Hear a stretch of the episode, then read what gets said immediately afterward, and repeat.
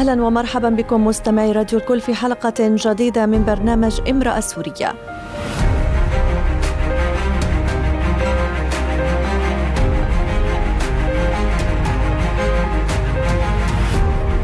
امرأة سورية برنامج يأتيكم كل أسبوع على هوا راديو الكل. نناقش فيه قضايا ومواضيع تهم المرأة السورية. لنتعرف على أبرز التحديات والمشاكل. التي تواجهها وكيف لها أن تأخذ دورها الأساسي في المجتمع.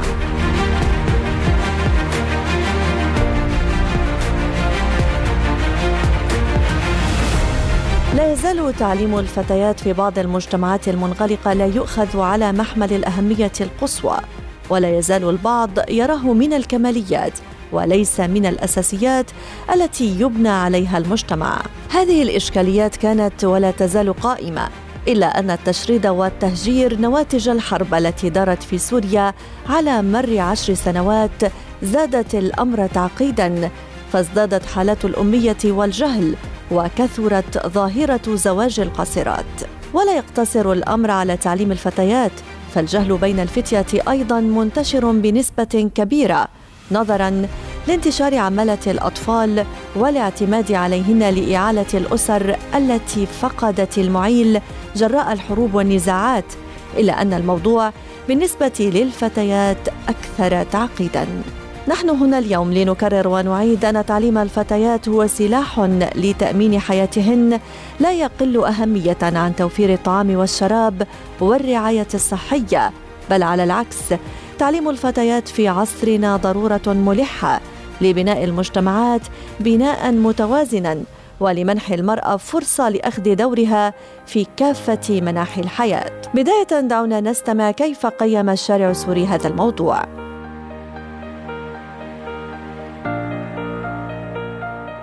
هلا أنا برأيي لأن أكثر العائلات مقتنعة أن المرأة بالأخير لبيتها وزوجها وتربية أولادها كمان إضافة للمصاعب اللي بتواجه البنت في مجال الدراسي آه والروح على الجامعة بالظروف الصعبة. في كثير مجتمعات مع الأسف ما بتعطي أهمية لتعليم الفتيات لأنه آه، باختصار هي مجتمعات ذكورية بامتياز. بخافوا إنه يعطوا للبنت حقها فتكون تتميز أكثر من الشاب آه، بتظهر أكثر من الشاب. آه، في عنا كمان عادات وتقاليد كمان في مجتمعات مسيطرة عليها العادات والتقاليد. ما يعني ممنوع عندهم تعليم الفتاة بنظروا للفتيات هن فقط للزوج للتربية للبيت فقط يعني. هلا فكرة تعليم الفتيات من قبل ولهلا يعني بعض الأهالي بلاقوا مشكلة فيها ما بيتقبلوا هالفكرة. ممكن سبب من الأسباب إنه الحرص على البنت خاصة بهذا الوقت. ممكن كمان بسبب العادات والتقاليد يلي بتفرض عليهم فكرة إنه الصبية إنه بهالأيام رح تتزوج وما رح تحتاج شغل فبالتالي ليش لحتى تدرس؟ فممكن تكون هي كمان من الأسباب اللي بتشكل عائق أمام تعليم الفتاة سواء كان من المرحلة الإعدادية والثانوية أو حتى إكمال جامعتها بالدراسات العليا. نحن طبيعة مجتمعنا هي بتميل للشرقية وفينا نقول آه، بتأيد العادات والتقاليد البالية. فالأغلبية هنا بيلجأوا للزواج عن صغر وبيعتبروا إنه تعليم المرأة هو الشيء ما ضروري ولا حتى تثقيفها أيضا. حسب معتقدات إنه المرأة المتعلمة ممكن تتمرد تتمرد على بيتها على زوجها على أولادها. فهذا الشيء هو بحد ذاته تلاقي إنه بيساوي له إنه لا خلص نحن ما بدنا نعلم نحن ضد نحن بالنهاية هن عارفين إنه الامرأة المتعلمة غير المال المتعلمة. السبب الأساسي إنه بنظر الأهالي مثلا البنات لا بحاجة لقدام لعمل لحتى يكملوا في دراستهم إنه بيوصلوا مثلا لمرحلة معينة إنه خلاص بكفوا يقرأوا ويكتبوا أما لا في أهالي جاهلين آه، ما بيريدوا البنت من الأساس إنه هي تتعلم.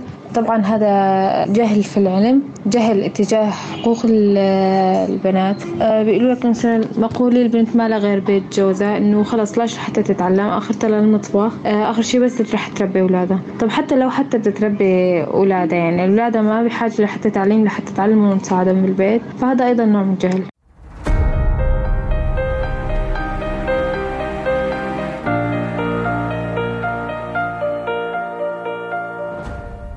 إذا كما استمعنا لا تزال توجد بعض القيود المجتمعية التي تقف عائقا أمام تعليم الفتيات. وللحديث أكثر حول الموضوع تنضم لي الأستاذة ياسمين العقاد. أهلا بك أستاذة ياسمين. أهلا بكم. أستاذة ياسمين بداية لماذا يجب أن نولي تعليم الفتيات أهمية كبرى؟ آه، التعليم هو أمر مهم ليس للفتيات فقط بل للفتيان. من هذه النقطة يجب أن ننطلق. فالعلم بشكل عام مهم للطرفين ولكن في مجتمعاتنا التي تعتبر الفتاة هي الحلقة الأضعف يجب أن نركز على هذا الجانب ونذكر به دائما. لأن الفتاة في مستقبلها ستصبح جزءا من بناء يرتكز على فهم الحياة بشكل أفضل من خلال التعليم. آه، وقد أقر بذلك المجتمع الدولي أقر بالمساواة في التعليم الجيد للجميع. من خلال قبولهم للقانون الدولي لحقوق الإنسان. آه، من هنا آه، نجد أن الفتاة يعني هي العنصر الذي يجب أن نركز على تعليمه لأنه سيصبح في المستقبل هو الراعي للشريحة الأكبر في مجتمعه. نعم. أشرت خلال حديثك إلى أن بعض المجتمعات لا تزال تغفل ضرورة تعليم الفتيات. كيف يمكن رفع سوية وعي المجتمع فيما يتعلق بتعليم الفتيات؟ يوجد العديد من الطرق ومن ضمنها آه، مثلا آه، قناتكم الإعلامية الإعلام بشكل عام. آه، يمكن أن تقوم بدور تثقيفي يمكن أن تحض وتحرص على لفت النظر إلى هذا الجانب المهم. وهناك منظمات المجتمع المدني التي لها دور كبير في دعم هذا الجانب إذ تخصص آه، جانبا كبيرا من نشاطاتها آه، لصالح الجانب التعليمي والتربوي. وخاصة في ظروفنا الحالية. أيضا يجب أن يتوفر كوادر تعليمية مؤهلة. نعم. الفتيات كما تفضلت هم الرعاة المستقبليين للفئة والشريحة الأكبر من بناة المجتمع. ما هو تأثير تعليم الفتيات على مستوى الأفراد والمجتمعات؟ لأن الفتاة في مستقبلها سوف تصبح أما وراعية لجيل كامل.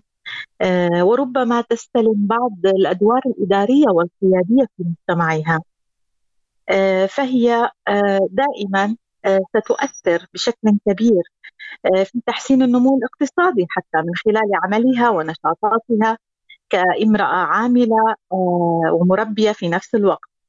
آه، كما يمكن لنشاط الفتاة أن يعني يؤثر في التقليل من حالات الفقر والعوز ومن خلال تقليل من خلال تعليم الفتاة سوف نكسب جانبا إضافيا مهما جدا آه، إذ ستصبح آه، بإمكانها أن آه، تحدد مسيرة أسرتها. فالأم المتعلمة كما نرى في حالات كثيرة تكون تحرص على تنظيم الأسرة. فلا تنجب العديد من الأطفال وإن كونت أسرة فهي تستطيع أن ترتب آه، هذه الصح هذه الأسرة صحيا ومن ناحية التغذية آه، مما يخفف أيضا كمية آه، خسارة الأطفال مثلا أو موت الأمهات بسبب الولادات المتكررة أو قلة الرعاية. طيب أستاذة ياسمين ظروف التهجير والحرب في سوريا أثرت سلبا على تعليم الفتيات وزادت الفجوة في هذا السياق. وذات السياق بالنسبة للفتيات التي تعرضن للاعتقال. كيف ترين هذا المشهد؟ هذا جانب مهم جدا لأنه آه، يعني سيطر على العديد من آه، مصير الفتيات. لأن التهجير في الدرجة الأولى جعلها تلتجئ إلى مجتمعات مختلفة. يجب أن تجد مكانها. في تلك المجتمعات لكي تحقق جانبا علميا جانبا علميا معقولا آه، يمكن آه، أن يستمر معها آه، في حياتها القادمة ويحسن من ظروف حياتها. التهجير حرمها من البيئة المستقرة التي تساهم وتساعد على التعليم بشكل جيد. أما بالنسبة للفتيات التي وقعن فريسة للاعتقال فقد كنا يعني في في جو يجعله يجعلهن معطلات تماما. يعني فترة الاعتقال مثلا قد تكون يعني معطلة آه، بشكل كبير لسير دراسة الفتيات. فكثيرا ما قابلت وأنا من المعتقلات آه، كثيرا ما قابلت فتيات في المعتقل آه، يريد أن يتممن تحصيلهن العلم ولكن الاعتقال جعلهم لشهور ويوجد منهن لسنوات قابعات في ذلك المكان البغيض وقد تعطل مستقبل الدراسة بالنسبة لهن فأيضا عندما يخرجن من ذلك المكان يخرجن بمعوقات نفسية معينة تعرضنا لها بسبب الاعتقال فلا يستطعن إكمال ما بدأناه من دراسة. قبل الاعتقال. على العموم مجتمعنا السوري قد تضرر كثيرا من هذا الجانب وقد تلاحظين معي أستاذة بتول أن الأسر السورية بشكل عام قد تعطل لديها هذا الجانب بسبب التهجير أو تغيير البيئة أو حتى عدم وجود الأمان في المدارس. يعني إذ يتردد الأهل بإرسال بناتهن إلى المدارس. إذا لم تكن تحوي على شروط معينة يمكن أن يأمنوا لها ويرسلوا بناتهم إليها. ولا سيما في المخيمات مثلا أو في البيئات الغربية التي يجدون أنها تؤثر عقلية الفتاة أو سيرها. نعم. كما تفضلت أستاذة ياسمين أيضا حالات وحياة النزوح والتشرد زادت من زواج القاصرات زادت أيضا من عمالة الأطفال. إذا الفتيات هم الرعاة المستقبليات لبناة المجتمع ولذلك تعليم الفتيات يجب أن يكون أولوية وليس حاجة ثانوية. كل الشكر لك الأستاذة ياسمين لإثرائك هذا اللقاء. أهلا وسهلا. شكرا لكم.